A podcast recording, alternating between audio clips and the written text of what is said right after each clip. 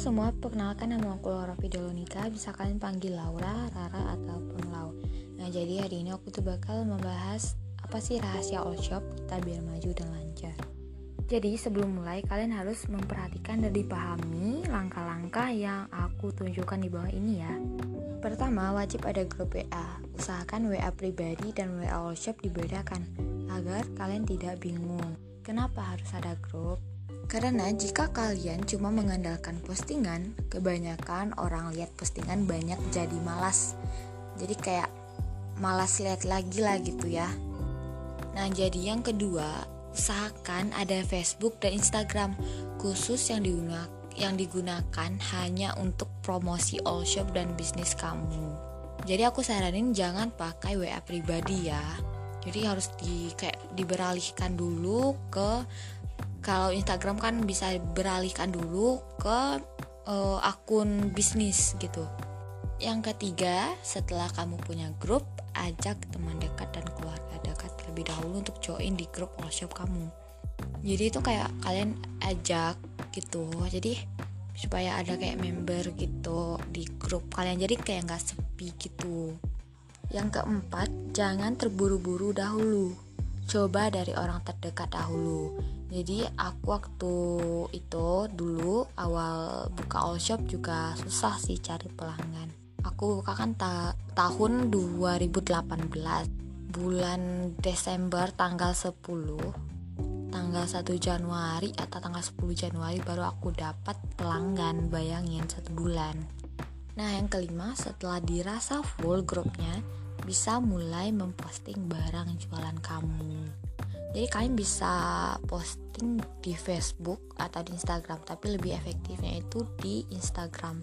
Jadi kalau di Instagram itu kalian harus merapikan feed Instagram supaya lebih enak aja dilihatnya. Nah jadi wajib dimengerti pertama apabila barang yang kamu jual itu PO nah PO itu adalah pre-order. Biasa kan kalau pre-order itu kisaran satu minggu atau dua mingguan kalau import ya. Kalau import kadang ada yang satu bulanan aku juga pernah coba. Nah jadi cara manjurnya atau cara apanya itu adalah satu misal barang yang kamu ambil di Shopee usahakan barang yang kamu akan tunjukkan ke customer berasal dari toko yang sama di Shopee dalam satu hari Contoh, satu hari kamu akan upload di grup dari toko A. Nah, untuk sore harinya kamu upload barang dari toko B. Setelah itu rekap pembeli kamu lalu dipesanin dipesanin lewat Shopee. Tips memilih pembeli itu ini bagi aku ya.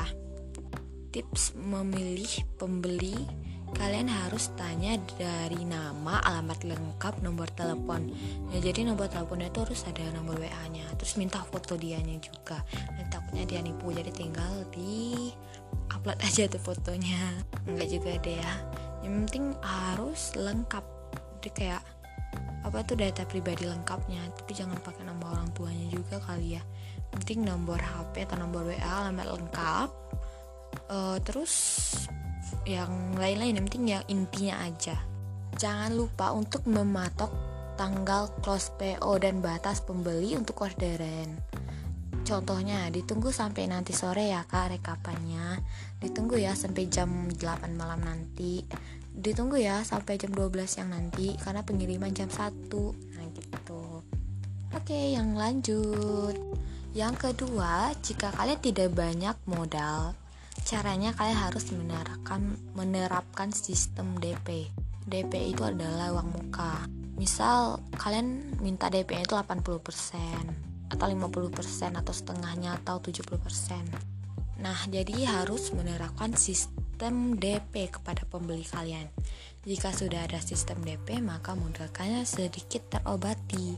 Jadi kayak nggak banyak yang mau dikeluarin lagi, jadi dari DP tersebut. Nah, jadi waktu barangnya sampai, jadi pembelinya itu tinggal melunasi DP-nya. Misal, eh, si A beli baju A dengan harga 100 ribu dia harus bayar DP 80% berarti 80 ribu ya nah jadi waktu barang sampai dia harus melunasi 20% lagi baru bisa ambil barang nah jadi 20% itu kan 20 ribu nah maka lunas nah jadi kalau aku kalau kasih DP kalau di cancel sama pembelinya itu DP-nya hangus. Tiga jangan lupa untuk sering posting di grup mengenai testi-testi pembeli. Upload juga di media sosial kalian seperti Facebook dan Instagram karena itu akan membawa customer baru mendatangi kalian. Uh, dengar ya kata aku tadi tuh lebih efektifnya itu di Instagram ya. Tapi kalau di Facebook kebanyakan orang yang kalian kenal gitu oh ya guys kalau kalian nggak kayak malas ngeluarin modal kalian bisa dengan sistem dropship oke lanjut aja 4. Berikan juga sesekali harga promo kepada pembeli agar customer baru bisa datang pada kalian. Contoh, uh, hari ini ada promo beli dua baju gratis satu beli dua baju diskon 50% dan lain-lain jadi kayak kalian kasih promo gitu oke yang kelima jangan lupa untuk terus memperhatikan harga saingan ya. Jika harga di luar lebih mahal, kalian harus bisa menjual di bawah itu. Nah, makanya kalian harus menemukan supplier termurah dan terbaik.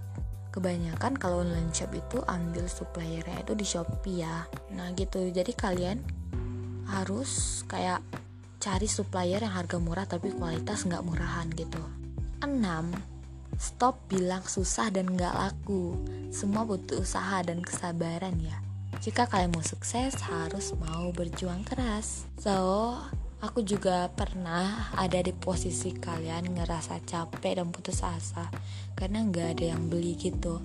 Tapi karena ada kemauan dan bangkit terus mencoba hal-hal yang baru, akhirnya bisa seperti sekarang.